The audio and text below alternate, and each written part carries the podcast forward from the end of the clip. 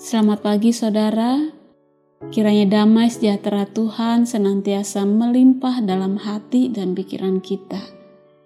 Dan terimalah berkat dan bimbingannya bagi kita hari ini lewat firman-Nya Kisah Para Rasul pasal 10 ayat 11 hingga 16.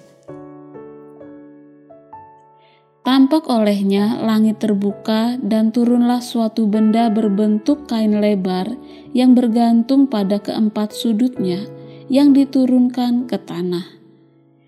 Di dalamnya terdapat pelbagai jenis binatang berkaki empat, binatang menjalar dan burung.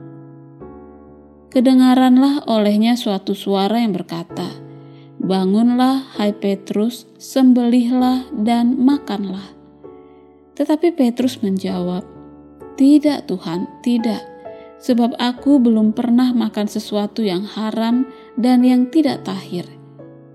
Kedengaran pula untuk kedua kalinya suara yang berkata kepadanya, "Apa yang dinyatakan halal oleh Allah tidak boleh engkau nyatakan haram." Hal itu terjadi sampai tiga kali, dan segera sesudah itu terangkatlah benda itu ke langit.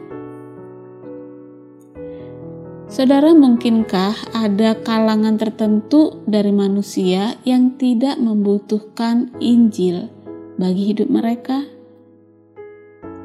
Dikisahkan bahwa di Kaisaria ada seorang perwira pasukan Italia yang hidupnya terkenal baik, saleh, ia serta seisi rumahnya takut akan Allah dan ia memberi banyak sedekah kepada umat Yahudi dan senantiasa berdoa kepada Allah.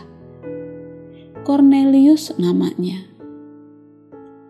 Artinya Cornelius menyembah Allah orang Israel tetapi belum sepenuhnya berpindah keyakinan menjadi penganut agama Yahudi. Oleh karena itu, secara teknis ia masih seorang non-Yahudi yang tidak tahir.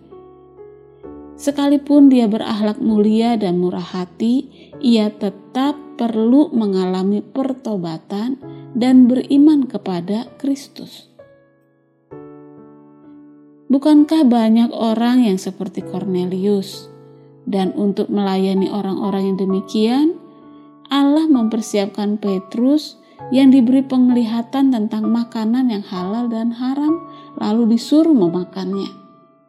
Petrus menjawab, tidak, tidak Tuhan. Petrus belum pernah memakan sesuatu yang dianggap haram.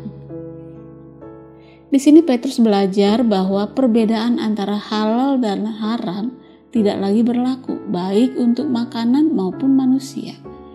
Itulah yang dimaksud Yesus ketika mengajarkan bahwa yang menajiskan orang bukanlah apa yang masuk ke dalam perutnya, melainkan apa yang keluar dari hatinya.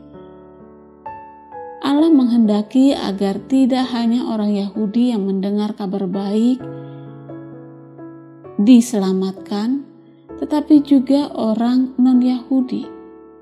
Petrus belajar bahwa di dalam Kristus perbedaan manusia semacam itu tidak ada lagi. Sebaik apa pun manusia tetap membutuhkan keselamatan yang diberikan melalui Yesus Kristus. Percayalah kepadanya, terimalah anugerahnya. Dan semua kalangan, semua orang dari berbagai latar belakang, suku, bangsa, dan bahasa tetap membutuhkan Yesus. Mari kita berdoa. Tuhan, terima kasih karena setiap kami dengan segala perbedaan keadaan kami, kami Engkau kasihi kami Engkau pedulikan, selamatkan. Dan setiap hari Engkau membimbing supaya kami dapat hidup seturut dengan kehendak dan rancanganmu yang mulia. Berkati kami hari ini Tuhan supaya memuliakan Engkau dalam nama Tuhan Yesus. Amin.